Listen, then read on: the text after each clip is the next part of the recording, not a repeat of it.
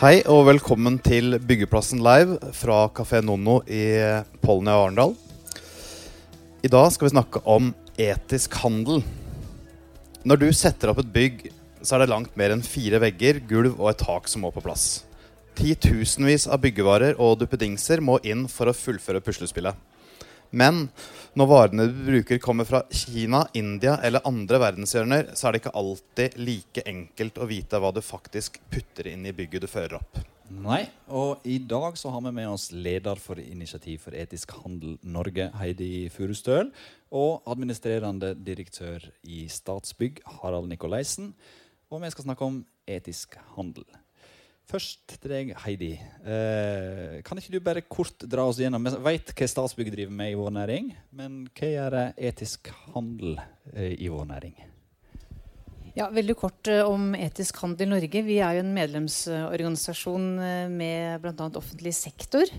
Uh, og hvor Statsbygg da er, er, medlem. Så vi prøver jo da med vår praktiske veiledning å være en god da, rådgiver og veileder på hvordan du kan jobbe mer systematisk med å sikre det at det du putter inn i bygget ditt, da ikke er laget av barnearbeidere eller slaver eller under andre kritikkverdige forhold.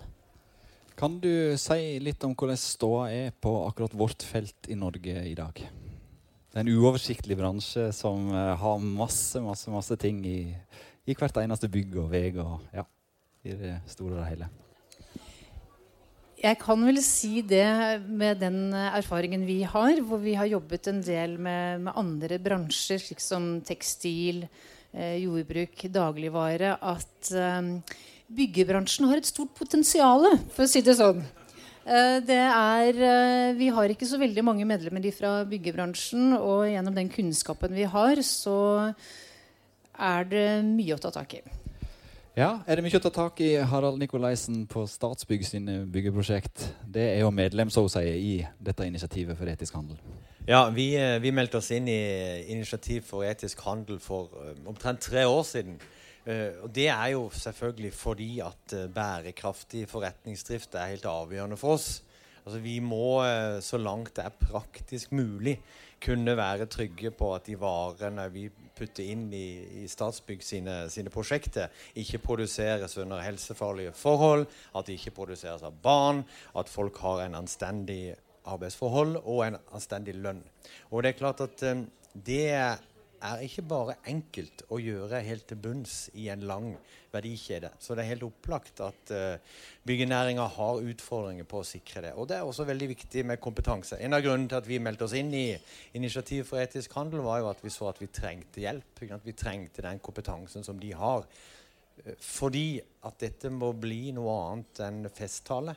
Det må omsettes i praktisk handling inn i kulturen, inn daglig driften i virksomheten. Og da, da, innså vi at dette trenger vi hjelp til. Vi trenger kompetanse. Og Dere fikk noen aha-opplevelser på Nasjonalmuseet med stein. Fortell litt om det, og hva dere gjorde med det. Ja, øh, vi, gjorde, vi, gjorde, jo det. For det ble, det ble jo avdekka etter hvert at øh, vi, har, altså vi har en, en norsk anleggsentreprenør som leverandør på Nasjonalmuseet. Eh, og i likhet med veldig mange andre offentlige etater, kommune- og fylkeskommunale virksomheter som legger stein, så kommer den steinen fra Kina. Og det er klart at eh, det å ha kontroll på hele verdikjeden, som jo da betyr for oss at vi har en entreprenør som har en underleveranse som produseres i Kina, det er vanskelig. Og det kom uh, heldigvis oss for øre via på en måte at folk sa ifra. Og jeg tror også, jeg håper at det er fordi de føler at de kan si ifra, og at vi vil lytte hvis vi får beskjed. Eh, så kom det jo også for øre at uh, denne steinen ble produsert under vel, svært kritikkverdige forhold. Og, og det er klart, da, da måtte vi jo ta det veldig på alvor. Og vi måtte reise ned og se, og det var helt opplagt at dette ble produsert på en måte som ikke vi kunne være bekjent av. Og Da hadde vi egentlig to alternativer. På en måte Sende, sende stein tilbake igjen, holdt jeg på å si, og kjøpe stein av noen andre. Eller forsøke å forbedre forholdene på anleggsplassen. Og vi valgte i samarbeid med entreprenøren vår å gjøre det siste. Altså gå inn og sette krav til tiltak for å forbedre produksjonen der nede. Vi må nesten vite hva det var du egentlig så da, der nede, som var så ille. Ja, var, nå var jo ikke jeg eh, i, i, Kina, men det er klart at det var en total mangel på HMS eh, sikkerhetstiltak, f.eks. Eh, beskyttelse, hjelm, eh, luft. Det var eh, helt udokumenterte arbeids- og lønnsforhold ikke sant? og en standard som, som, som, ikke går an. Og så er det jo sånn selvfølgelig at det er forskjell på standarden og allmenngjøring av lønn i Kina og i Norge, men det som var helt opplagt for oss, var at det helsemessige siden ved dette kunne vi ikke akseptere. Og så det var det som kanskje var det aller verste. Og så er det egentlig oppskriften på å gå fram. Er ikke det det? At du skal gå inn lokalt når du finner en sånn bedrift, uh, og ikke nødvendigvis boikotte hvis det er ille, men prøve å gjøre ting lokalt. Eller bør du i noen tilfeller òg gå inn og boikotte?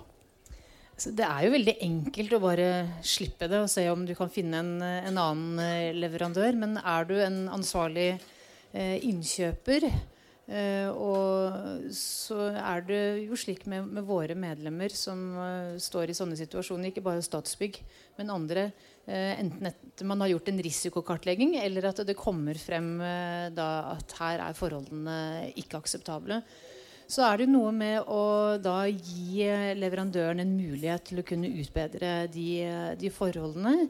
Hvis dette er en leverandør altså Før man inngår et leverandørforhold, så er det også veldig viktig at du har den screeningen altså i prekvalifikasjonsrunden. Og da er det jo dette her med å kunne gjøre en god aktsomhetsvurdering. Og kanskje du har da tre leverandører. Um, og da være sikre på at ok, da velger vi heller den leverandøren som vi vet har et system for å kunne håndtere HMS, for å kunne da ta arbeiderne med på lag, slik at arbeidernes stemme blir hørt, enn da den uh, som, som, ikke har det. Samtidig, og det er det som er så vanskelig, og som uh, vi vet, er jo at det er jo pris. Pris som er det avgjørende. Vi gjorde sammen med vår søsterorganisasjon i Storbritannia og i Danmark og FN-organisasjonen for arbeidsliv, ILO, eh, den største undersøkelsen som er gjort eh, blant eh, leverandører på, på innkjøp, altså hvordan de oppfatter innkjøperne. Og så mange som 40% av, de leveran nei, av leverandørene sier det at vi aksepterer priser fra innkjøperne som ikke dekker produksjonskostnadene våre. Så da har de ikke penger da, til å ha et HMS-system. Da har de ikke penger til å kunne gi arbeiderne en lønn som eh, det går an å leve i hvert fall eh, litt av. Så dette her er en sånn fundamentalt strukturell utfordring som vi er i hvert fall nødt for å snakke om med hvordan pris da er en driver. Dette her er jo ikke bare i Norge. Vi er jo en del av en global eh, markedsplass med de globale leverandørene. Og jeg sier jo ikke det at det eh, er dårlig med handel, for det tror vi så absolutt på. Men det må gjøres riktig, og det må gjøres slik at handelen lønner seg for mennesker, samfunn og miljø. Hvilke land skal man være spesielt varsom å drive handel med, da? Jeg ville, være, jeg ville, omformulert meg litt med det å være mer varsom. For i det syns, kan du i hvert fall insinuere det at da skal man ikke handle, da skal man velge noen andre. Men igjen, vi vet det at for å kunne være konkurransedyktig på et marked, så etterspør de offentlige etter billigste pris. Forbrukerne de shopper med nettbutikker, og det er norske leverandører. Og det er pris som er, er veldig eh, avgjørende. Så og igjen da med at handel også er med på å kunne løfte ut av fattigdommen. Men det er klart, når du gjør en risikokartlegging, det er jo viktig som en del av uh, må jeg bare si det, aktsomhetsvurderinger. Det er, uh, jeg håper jeg skal bli det nye buzzordet i 2019, at alle vet hva aktsomhetsvurderinger er. Men da vil du, når du gjør en risikokartlegging, se at det er en del land som peker seg, seg ut. Og da er det klart Vi har en del utfordringer i, i Asia. Det ble nevnt uh, India. Fortsatt en del utfordringer i, i Kina. Uh, og da må du være ekstra obs på når du da f.eks. handler naturstein fra India, hvordan forholdene er. Og det kan også variere ganske mye internt også i, i landet. Uh, så det er jo noe med at du, før du går inn og gjør de, de kjøpene, så må du ha den kartleggingen. slik at ikke du da blir overrasket. For er det én ting som det ikke nytter å si, og det, det gjorde i hvert fall ikke dere i Statsbygg, så vidt jeg husker, det er å si i 2019 at å, denne eh, bar, Barnearbeid, sa du? Nei det, nei det, var litt ukjent for oss. Det nytter ikke. Du, du må vite. Overraskelser det kan fort leverandørleddet få òg. Uh, hvor tydelig er det i Statsbygg med leverandørene deres på at etisk handel er viktig? At ikke det der med en revisjon i Kina, da, som vil være kostbart for en leverandør å reise der og ordne opp i de forholdene, at de ikke blir overraska når de står der plutselig med det der i fanget? Ja, Det er jo, det er jo et, et, godt spørsmål. Du kan si det, det, er ikke noe tvil om at vi, vi, har dette spesifisert i kontraktene våre. og at vi har det Men de kontraktene er jo veldig det, lange. Og... Ja, da, det, det, står mye der. ikke sant? Så Hvor høyt det står på agendaen i alle prosjekter, ved alle oppstartsmøter og i alle kvalifiseringer, der kan vi også forbedre oss. Og, og, og, eh, men, men det, er, eh, det, er, også sånn at eh, det er klart når vi da kontraherer en norsk landskapsentreprenør med noe krav til stein, og han velger en leverandør fra Kina, så er det klart at da, da må vi også sammen med han eh, hjelpe til å gjøre en risikovurdering og kartlegge hva som ligger her. For det hjelper for så vidt ikke så mye hva vi har i kontraktsbestemmelsene eh, med den norske leverandøren. Det hjelper ikke noe for disse i Kina som må produsere den steinen. Det hjelper ikke at vi har vårt på det tørre sånn rent skriftlig. Vi har et ansvar som byggherre for å følge hele verdikjeden. Og Det er klart, det har vi også lært av denne episoden, eller den, dette tilfellet her. At det å være tydeligere når vi kvalifiserer Altså Det å være tydeligere i oppstart med entreprenørene. Det å basere det i mye større grad på en risikovurdering av hva slags materiale, hva slags leveranse er det. For, for, og det tror jeg er um, altså Når det er vanskelig for oss i Statsbygg, som er stor statlig byggherre, så er det klart at det er ikke noe lettere for en leverandør som har kontrakt med oss, å ta det ansvaret. Det er klart at eh, De har kanskje enda mindre forutsetninger og kompetanse og kapasitet til å dukke ned i det. Så dette må vi samarbeide om. Dette er ikke noe vi kan regulere oss ut av ved bøter eller kontraktsformuleringer. Og der kan vi bli flinkere enn vi har vært. Men opplever du at leverandørene gjør det? At de har kontroll? At de sjekker, tar stikkprøver? Nei, eh, de kan ikke svare at vi opplever at de gjør det. Det er en, det er stor variasjon. Eh, Der som overalt ellers, men gjennomgående så er det for lite bevissthet rundt etisk handel eh, og varekjøp våre, hos våre leverandører. Og, og eh, de gjør i, i, for liten grad tar de ansvar for å følge leverandørkjeden helt ut og verifisere at de kravene vi egentlig har i kontrakten, må bli oppfylt. Men, men, igjen, det er ikke så rart, for dette er komplisert og vanskelig. Og vi er mye mer opptatt av at vi må samarbeide med de om å bli flinkere på det sammen, enn egentlig å diskutere ansvarsfordelinga. For det hjelper ikke disse som produserer denne steinen i det hele tatt. Hvis jeg kan eh, bare kommentere det med samarbeid, som eh, Nikolaisen sier. det er eh, det er en veldig god inngang å kunne samarbeide med leverandørene. Og nettopp da tilbake til dette her, should I stay or should I go? Hvis dette her er en leverandør som du gjerne vil satse på, så vet jo det at hvis du etablerer et langvarig, langvarig, leverandørforhold, så har du også større muligheter for å kunne påvirke da, produksjonen i, eh, i, mer ansvarlig retning. Og så handler det jo også noe om dette her med opplæring. Og vi driver jo mye opplæring også av leverandørene og, og stiller da litt større krav til de store, sånn som Statsbygg. Eh, men det du også sier, eh, og det vil jeg bare understreke Vi har jo FNs veiledende prinsipper for næringsliv og, og menneskerettigheter som sier at eh, alle har jo et ansvar da for egentlig hele verdikjeden. Og så er det graden. De større har større ansvar, de mindre har mindre. Men du har likevel et eier av ansvaret. Og så er det noe med hvordan store aktører som Statsbygg også kan være med på å modne markedet og være med på uh, å dra de andre med seg. Og når uh, man uh, da inviterer til en konkurranse altså i god tid før dette slippes, forbereder leverandørmarkedet på ok, nå kommer vi til å kunne stille etiske krav og det finnes allerede. Vi jobber jo med Difi med kvalifikasjonskrav. Nå holder vi på å utvikle kvalifikasjonskrav 2.0.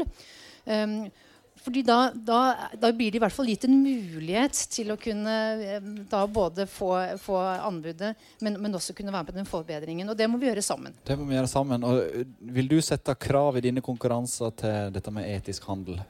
Ja, og vi har det i dag. Spørsmål. Ja, Men som en del av eh, konkurranse, altså vurderingene av kriteriene? Kvalifiseringskrav. Ja, det er noe vi må se på. For det, det er alltid så veldig mye lettere å si enn å gjøre.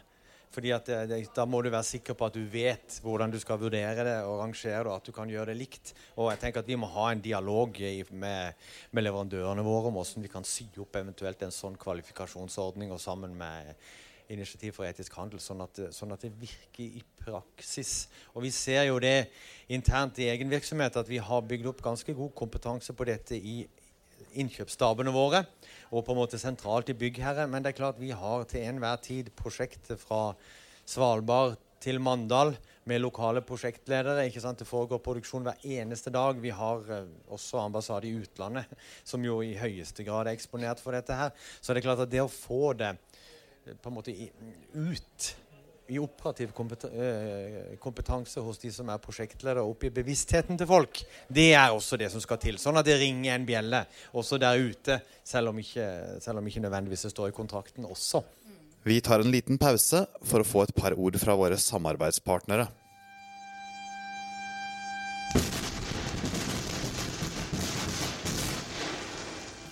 Vi sprenger grenser.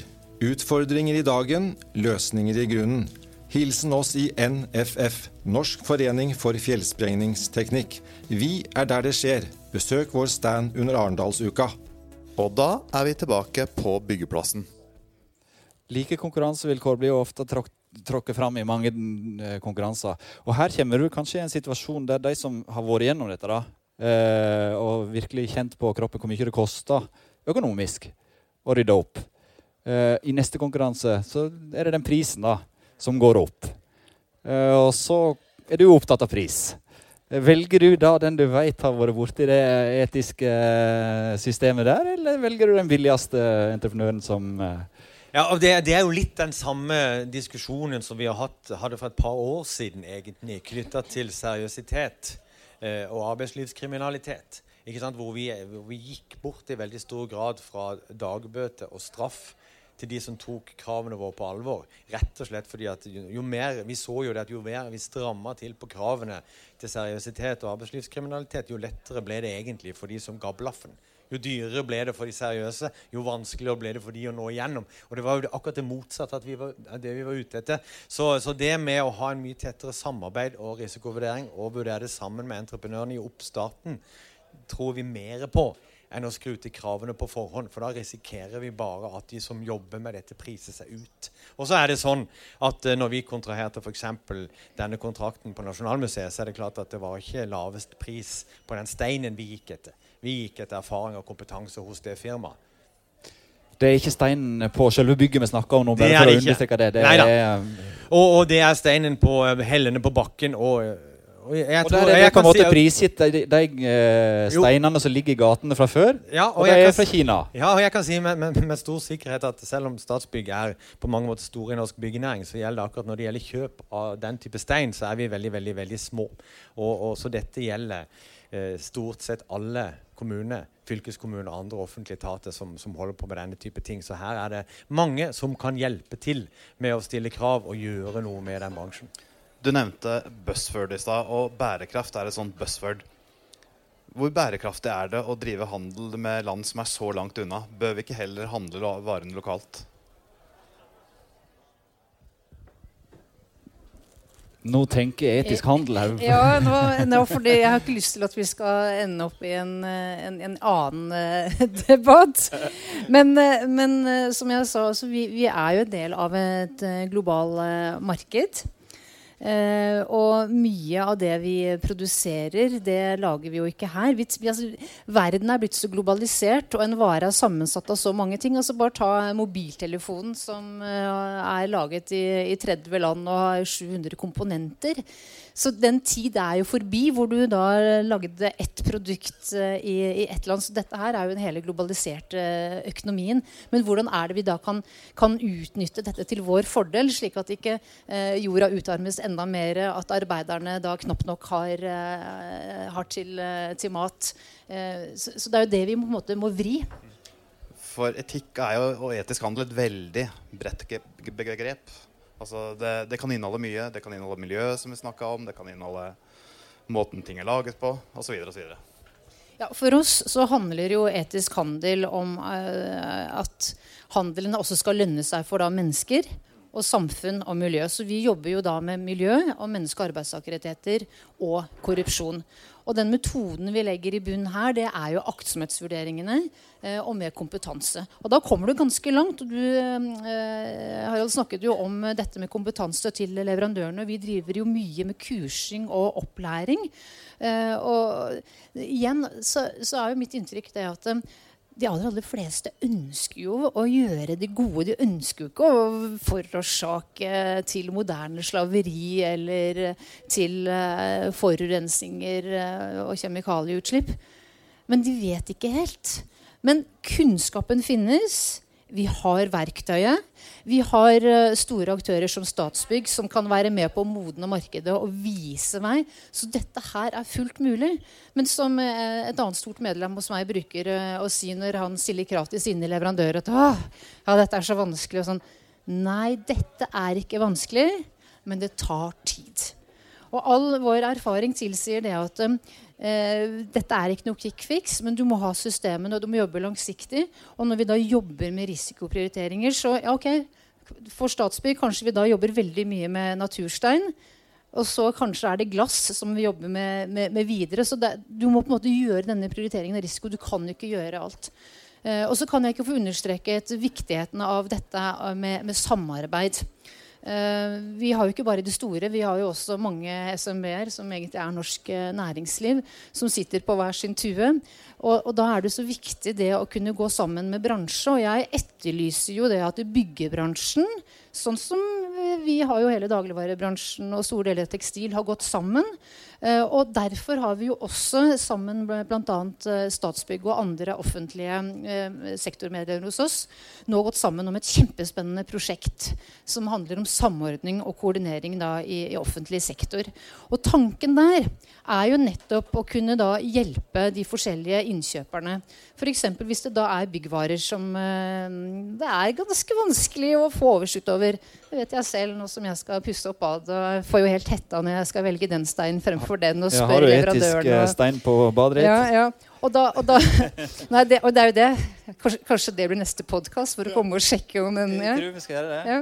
Men, men, poenget med dette prosjektet er jo at um, um, hvis vi tar og altså hvis vi organiserer oss på en litt mer effektiv måte Istedenfor at uh, Oslo, Stavanger, uh, andre offentlige aktører skal sitte da med innkjøp av stein, ja, så er det da kanskje i Oslo vi har et Eh, kompetanse ligger på, på, steinanskaffelser. Og så kan de andre da få den kunnskapen. Og så er det andre igjen som da f.eks. sitter med IT-anskaffelser og, og, tekstil. Og dette her er jo også bespar, dette er jo veldig besparende. Og det prøver vi å si til politikerne, for de vil jo veldig gjerne, i hvert fall nåværende, vil jo gjerne eh, se på hvordan man kan kutte kostnader. Så her er det mulig å både kunne kutte kostnader, få bedre kvalitet på anskaffelsene, og kunne faktisk være med på å gjøre verden litt bedre. Du er inne på den lokale snekkeren, holdt jeg på å si, byggmesteren. og Det virker jo som en håpløs kamp når du syns det er vanskelig i Statsbygg. Hvordan skal det byggmester Hansen i Mjøndalen få dette her til? da? Ja, men det er ikke, det er ikke tvil om at, uh, at, dette er krevende. Det er komplisert. Og, og, og, som det har vært sagt, det er klart vi er avhengig av verdenshandel. Det er jo ikke noe alternativ å, å stenge grensene.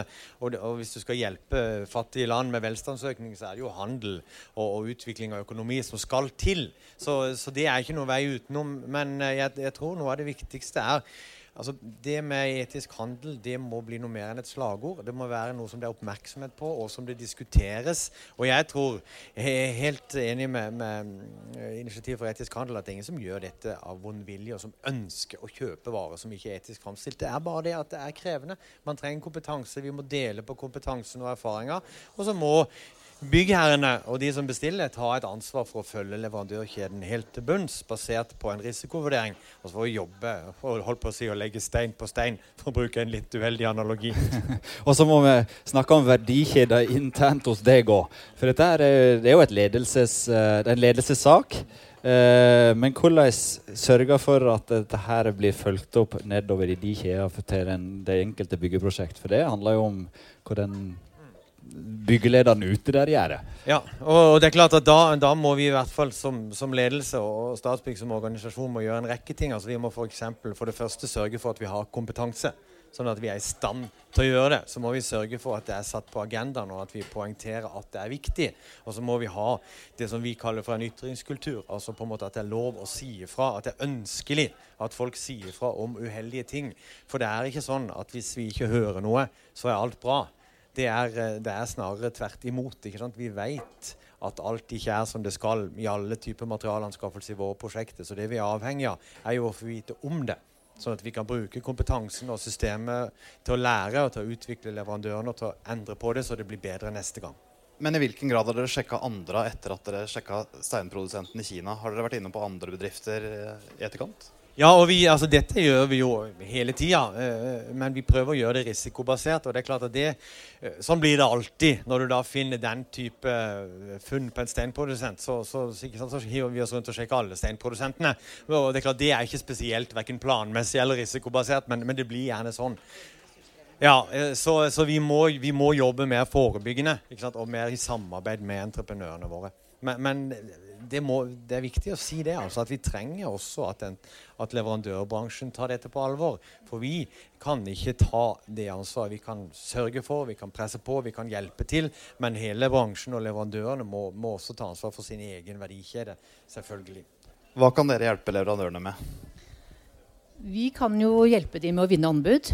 Altså, vi ser jo det at når det blir stilt krav om å ha egne rutiner eh, for, eh, for å kunne avdekke menneskerettsbrudd gjøre risikoanskaffelser, som står i paragraf 5, som oppdragsgiver må ha, det har jo vært med på å, å skjerpe i hvert fall deler av leverandørmarkedet.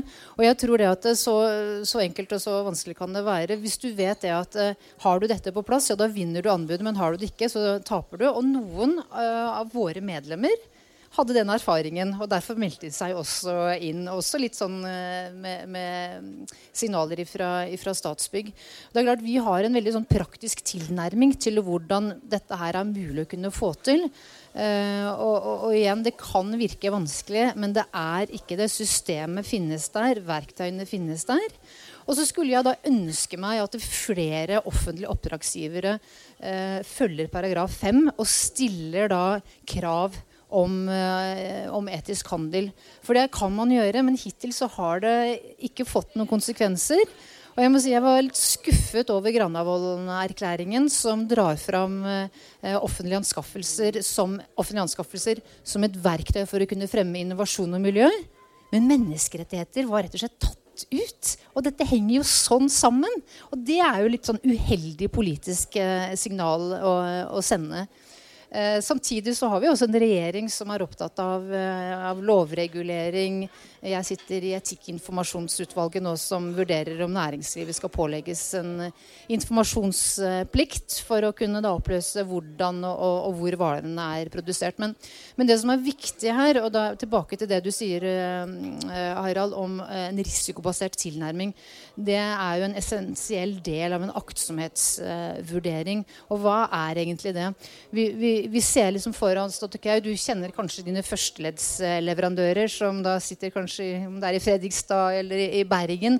Men så er det, hvor er det underleverandørene? Jo, det er kanskje i Tyskland. Men så begynner det jo å bli interessant, for da begynner du tredje, det var Kina. Den fjerde var den i denne regionen. Og det begynner å bli ganske komplisert. Uh, og hva gjør du for noe? Jo, du må jo først gjøre en sånn skrivebordskartlegging uh, av uh, hvor, hvor, er det størst sannsynlig da for, eh, for brudd på menneskerettighetene. Og så Hvis du da har, vet at produksjonen din en fjerdedel kommer fra Asia, da bør du kanskje konsentrere deg om det, og ikke bruke resten av tiden på den produksjonen som kommer fra land som du vet har mer etablerte arbeidsforhold. Um, og risikobasert tilnærming er jo de fleste som driver bedrift, gjør jo det. Hvis ikke så er det jo dumt å, å drive med det du gjør. Så dette faller jo på en måte som en naturlig del inn i arbeidet.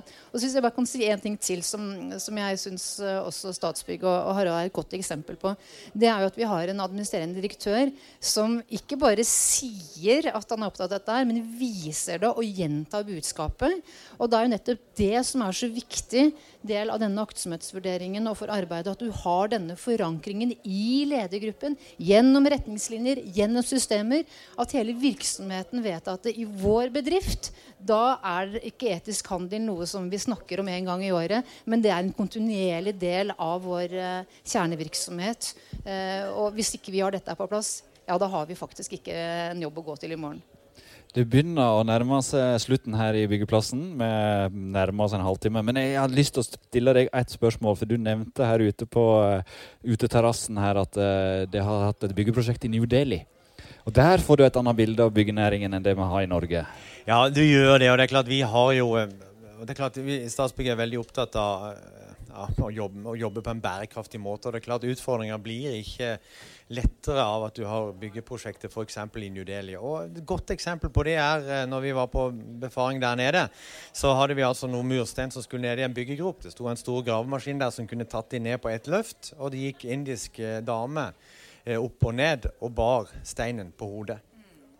Og hva, hva, Hvordan forholder du deg til det?